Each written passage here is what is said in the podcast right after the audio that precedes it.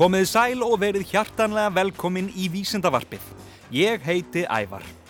Í dag ætlum við að líta til heimins og við ætlum að tala um fuggla. Um daginn þá opnaði ég postkassan heima hjá mér og í honum leindist stórt og mikið umslag. Eins og alltaf þegar ég fæ stór og mikil umslög sendi í postinum þá var ég svakalega spenntur og ég gæti ekki beði eftir að opna umslagið og sjá hvað leindist ofan í því. Bókin væri ég fugglin frjáls fyrstu skrefin í fugglaskoðun eftir Jóhann Óla Hilmarsson gæðist upp úr umslæginu. Við skulum skoða bókina og fræðast í leiðinni um fuggla. Það er skiljanlegt að fólk segi ofta fugglar séu uppáhald stýrin þess. Það er stórkostlegt að horfa á fuggla, hvort sem er á jörðinni, í loftinu eða á vatni. Ekki þarf að fara langt til að skoða þá. Þeir eru allstaðar. Við ströndina, í klettum, á túnum, í görðum, jafnvel á gödunni. Um tíu þúsund fugglategundir eru til í heiminum. Það er gríðar mikill stærðarmunur á þeim. Minsti fuggl í heimi, Agnar smár kólibri fuggl sem heitir humalbríi og lifur á kúpu, er aðeins 1,6 grömm eða álíka eins og hunangsfluga. Stærsti fugglinn er strútur. Hann lifir í Afríku og getur orðið 150 kíló. Þó að fugglar séu allstafar er mikill munur á fjöldategunda eftir búsvæðum. Fáar tegundir er að finna á köldum svæðum í kringum pólana og í hita og þurki í eðimörkum, meðan mjög margar tegundir er í regnskóum í hitabeltinu. Lífshættir fuggla eru jafn ólíkir og tegundirnar eru margar. Sumir þeirra eru jurtaætur, sumir geta skordýr og önnur smádýr, aðrir ávexti en aðrir lifa á fiski, fugglum, slöngum, nagdýrum, hræjum og svona mætti lengi telja. Lífshættir, útlitt, stærð og sérstaklega lögun goks og fóta fer mikið eftir fæðunni og búsvæðum fugglana. En hvað er fuggl? Þessi spurning hljómar kannski einkennilega, það vita allir hvernig fuggl lítur út, en það geti samt verið fróðlegt að velta því fyrir sér hvað einkennir fuggla sérstaklega. Fugglar hafa fjæðrir. Engar aðra lífverur eru með fjæðrir. Þeir verpa eggjum, en það gera líka fleiri dýr eins og skjaldbökur, krokodílar og slöngur. Munnurinn og nefið hafa breyst í gogg og er hann tannlaus. Framfæturnir hafa þróast í vangi og lang flestir fugglar eru flegir. Beinin eru hól að innan og mjög létt. Líka með fuggsins þarf að vera eins léttur og kostur er til hann geti flóið. Fyrir utan þessi enginni er margt sameinlegt með fugglum og okkur. Þeir eru ryggdýr með jafn heitt blóð og þurfa súrefni til að geta lifað. Þeir eru með fjóra útlimi, alveg svo við. Þeir eru sérhæfðir í að fljúa og að lífi í loftinu, meðan við erum sérhæfð að lífi á landi. Allir fugglar eru með vangi, þóttir sé ekki allir flegir.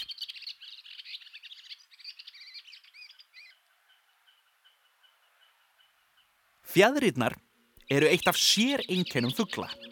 Þær eru próteini sem nefnist hirtni og vaksa út úr húð fugglana. Hár, neglur, hóvar og klaufir spendýra eru úr þessu sama efni.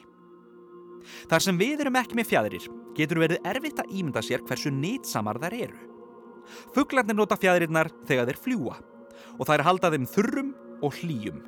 Verja þá gegn vætu, eru felubúningur og eru notaðar til samskipta. Það fer mikill tími hjá þeim í að halda fyrrinu hreinu og vassheldu. Þeir þurfa að baða sér reglulega og bera fytu í fyrrið daglega. Fytan myndast í kirtli á gumpinum og nota fugglarnir goggin til að bera fytuna í fyrrið eða þeir nutta fytunni beint í fyrrið þar sem þeir komaði við. Það er sérstaklega mikilvægt fyrir sundfuggla að fjæðurhamurinn sé vassheldur. Þekkiði orðatildækið eins og að skvetta vatni á gæs? Vatnið það rekkur strax af gæsinni, þannig að það er hálf tilgangslust. Þú getur prófað þetta ef þú finnur heillega fugglafjöður af fuggli og lætur vatn drjúpa á hana, þá helst hún þurr. Þú getur líka skoðað hvernig fjöður er gerð. Eftir endi langri fjöðurinni gengur fjöður stafur. Það er sá hluti fjæðrareinar sem festir hana við húðina. Út frá hrygnum, eftir miðri fjöðurinni, ganga litlar greinar eða stafir með agnar smáum krókum sem kallast fanir. Krókatin litlu halda fjöðurinni í skorðum. Fuglar eru oft með marglitaðar skrautfjæðrir. Sumarfjæðrir gljá. Og þessi gljái er afar mismunandi eftir því hvernig ljósið fellur á fjæðirinnar eða hvort að sólinn skín eða ekki. Fjæðrir er af nokkrum gerðum. Dútn er innsta fyrðrið og er hita einangrun. Bólfiður er hlýfðarfiður sem heilur allan búkinu og vangina. Flugfjæðrir eru langar, stífar fjæðrir í vangjónum sem fugglinn notar við flugið og stjélfjæðrir eru stífar fjæðrir í stjélinu. Fugglinn notar stjélið til að stýra sér með á flugi. Það er margt líkt með flugvélum og fugglum. Flestir fugglar eru með fjæðurham sem þekur allan líkamann nema fæturna, gogkin og svæðið kringum augun. Fugglar skipta um allar fjæðrir að minnstakosti einu sinu ári. Þá er kallað að þeir séu í fjæðrafelli. Sumir fugglar verða óflegir meðan þeir skipta um flugfjæðrir og nýju fjæðrirnar er að vaksa. Sumir fugglar skipta um bólfiður tvísvar á ári og rjúpan er sér á báti því að hún skiptir þrísvar sinnum á ári um bólfiður og skrýðist sumarbúningi, höstbúningi og vetrarbúningi. Menn hafa lengi nýtt fjæðrir til ímissa hluta. Þær hafa til dæmis verið festar á örvar til að stýra þeim og fjæðurpennar voru helstu skriffari manna allt þar til pennaottar úr málmi komið til sögunar. Dútn heldur líka mjög vel hita og hefur lengi verið notaður í sængur og kotta, svo og til að einangra yfirhafnir og svepphoka. Æðardútn veitir bestu einangrunina en gæsadútn kemur þar á eftir.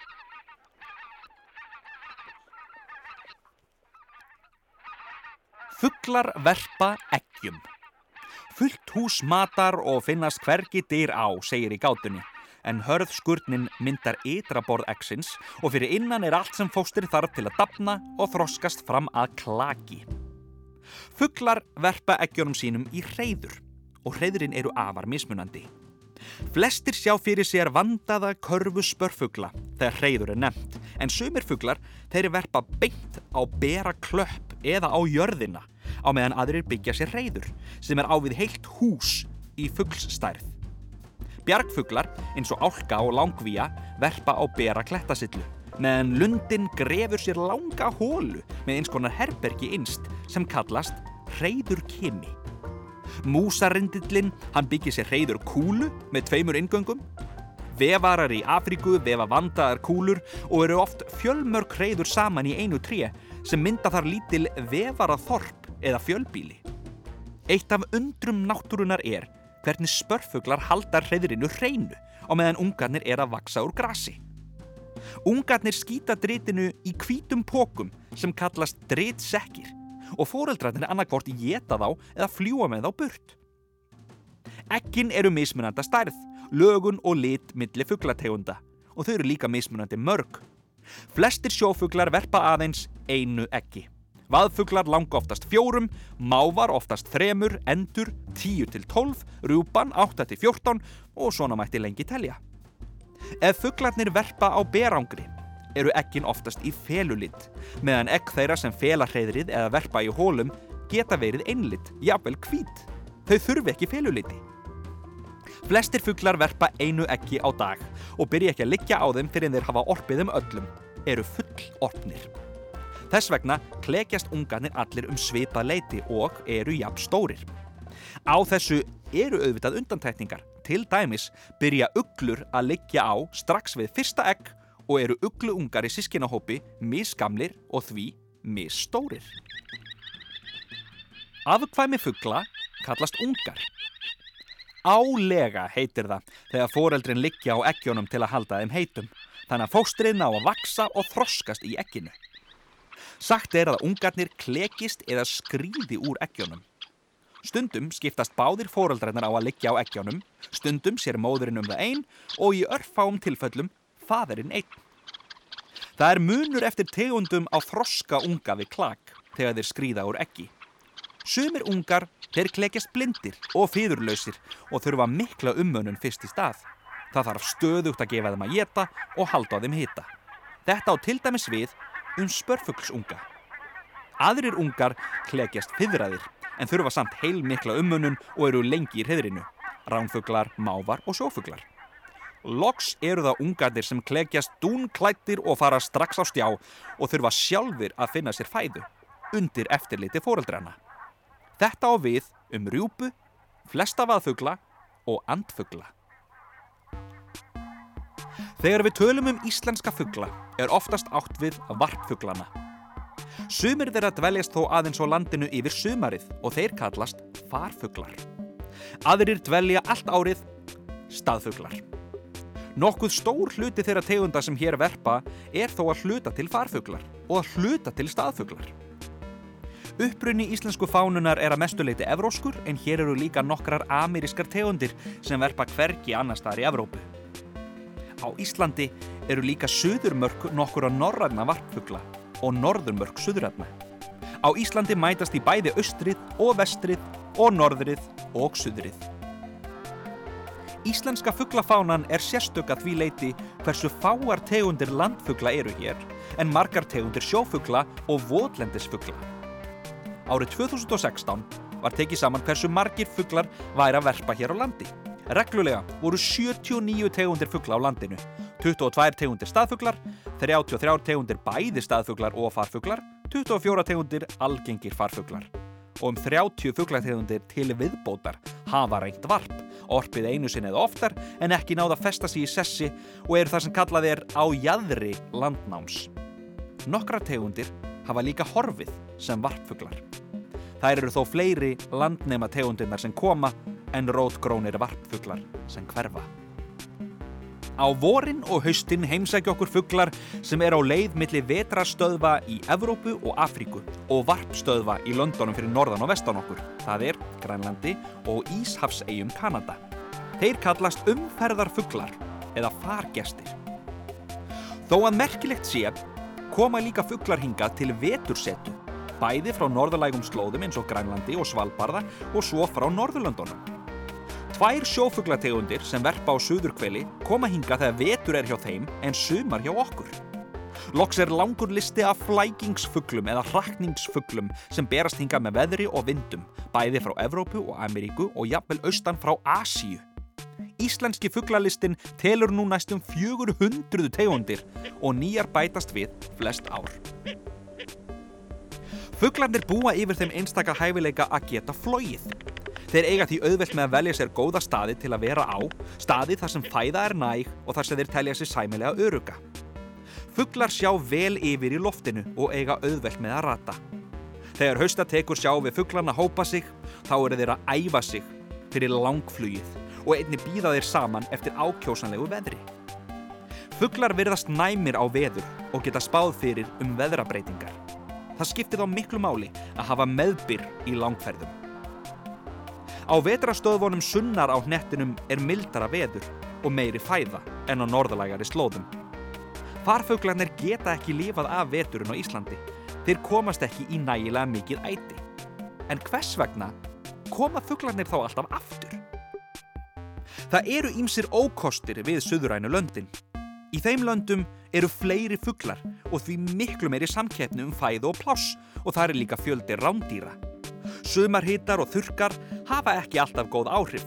Íslensku sumrin eru betri. Á Ísland er nóga fæðu, mikil víðótta og fáar ógnir. Það er gott að vera og ala upp unga. Íslenskir fugglar fara mislangt á veturna. Flestir landfugglar fara stutt eða til Breitlandsæja. Aðrir dreifast víða um vestur-Evrópu, sumir fara til vestur-Afríku. Sjófugglar er á hafi úti á veturna og koma flestir aldrei á land nema rétt til að verpa. Það er með þá eins og landfuglana þeir fara mislangt. Sumir dvelja á hafsvæðum kringum landið, aðrir fara lengra. Skrofan er út af sunnanverðir í Suður Ameríku, Óðinshanin er í Kirrahafinu vestur á Peru og Krían fer alla leið til Suður Íshafsins. En segjum sem svo að þeir langi til að skoða fuggla. Hvar byrja maður? Fugglaskoðun er vinsæl yðja hjá fólki á öllum aldri. Fjölmarki skólar og leggskólar hafa fugglatengt efni á bóðstólnum og vinna með fuggla í fræðslusinni. Hægt er að skoða fuggla næstum allstaðar, hvort sem þú átt nokkrar mínútur aflögu eða heilan dag. Mest færðu út úr fugglaskoðun með rétta útbúnaðinum og byrjunar útbúnaður er einfaldur og ódýr. Sjónauki er nöðsynlegur og það er líka gott að hafa fugglabók, vasabók og blíjant við höndina. Þá er hægt að punkta hjá sér það sem fyrir augu ber. Til dæmis lista yfir fuggla sem þú sér þann daginn, lýsingar á fugglinum og fleira. Fyrir lengri ferðir er gott að hafa plastpoka eða ílát undir hluti sem þú finnur og vilt taka með heim, eins og til dæmis bein, fjadrir og ælur. Heyrnin er eins mikilvæg við það að greina fuggla og sjónin, en það eru hljóð þeirra stundum það eina sem lætur þið vita að þeir sé á svæðinu. Þetta á til dæmis við um skólendi, þar sem tré byrja sín og fugglar eiga gott með að leynast. Á fugglavef námsgagnastofnunar er hægt að hlusta á hljóð íslenskra fuggla og víða er hægt að finna fugglasöng á vefnum, á hljómdiskum eða öppum fyrir snjálfsíma. Síðar, þegar áhugin er orðin meiri, fá fugglaskoðarar sér oft fjarsjá eða teleskóp. Fjarsjá er stór einegður sjónöngi með 20-60 sinnum stækkun. Fjarsjá er ekki hægt að nota nema á þrýfæti eða öðru styrku undirlægi. Myndavél með aðdráttarlinsu verður þá oft og tíðum hluti af útbúnaðinum. Byrjendur í fugglaskoðun geta til dæmis valið sér góðan stað næri heimili sínu og fylgst með fugglum þar. Þá geta það sest niður með sjónauka og fugglabókina sína á hnjánum og spreitt sig á að greina fuggla. Víða er hægt að fylgjast með fugglum áriðum kring og er fugglaskoðun ekki bara bundin við sumarið. Fugglaskoðun út um eldhúsgluggan nægir sumum. Aðrir leggjast í ferðalögum fjarlægar deildir jarðar til að skoða fuggla. En hvert er hægt að fara? Þú þart ekki að leita langt því um allt land eru góðir staðir til að skoða fuggla, sérstaklega á vorin og sumrin. Það fer nokkuð eftir landslutanum hversu ríkuleg fugglafánan er á veturna. Ef þú átt heima í Reykjavík, þá getur þú farið nýra á tjörn, en fyrstu kynni margra höfuborgar búa að fugglum verða þar. Við Reykjavíkur tjörn hafa sérst yfir hundrað fugglategundir og þar er tilvalið að æfa sig í að greina endur og máfa. Út um allt land eru svipaðar tjarnir og spakir fugglar. Þú ætti líka að reyna að kynnast reyndum fugglaskoðurum eða eignast félaga með sama áhugamál. Bæði er hægt að leita upp í fugglaskoðara í nákrenni sínu eða fara í ferðir með félögum eins og fugglavernd sem bjóða upp á fræðslu um fuggla. Og láttu ekki hugfallast þú þekkir ekki fugglin um leið eða greinir skakt. Það kemur fyrir alla. Þarna á við eins og svo oft að æfingin skapar meistaran. Fugglin hann getur horfið skjótt svo gott er að setja á sig einkennin strax. Stærð, lit, sérstætt lita minnstur, lögun og lit goks og fóta, lögun fugglsins, fugglag og aðra hegðun og loks hljóð. Búsvæði getur líka hjálpa til við greiningu. Ef þú getur það, er gott að gera skissu af fugglinum eða taka af honum mynd. Ljósmynd, já vel léleg, segir meira en þúsund orð þegar greina á fuggla. Góð fugglabók hjálpar mikið til við greiningu og er nöðsynlegt hjálpartæki. Það eru myndir af mismunandi búningum fugglana, kynjum og aldri, myndir af fugglum á flugi og sitjandi, lýsinga af fugglinum, sagtir frá búsvæðumanns, lífsháttum og oft fylgir kort með sem sýnir hvar hann verpur og hefur vetursetu. Svo eru líka til fuggla upp eða forrit, smáforrit fyrir snjálfsíma og svo eru auðvitað ímislegt að finna á veraldarvefnum. Og þá loku við bókinni væri ég fugglin frjáls fyrstu skrefin í fugglaskoðun eftir Jóhann Óla Hilmarsson og ég vil þakka höfundi og fugglaverend fyrir gjöfina og að lefa mér að lesa örlítið upp úr henni. Þættinum er lokið. Ég vil minna á vefsíu þáttarins krakkarú.is skástrygg ævar. Þar má finna alla þættina mína bæði sjómarps og útvarpstætti. Þetta er ævar vísindamæður yfir og út.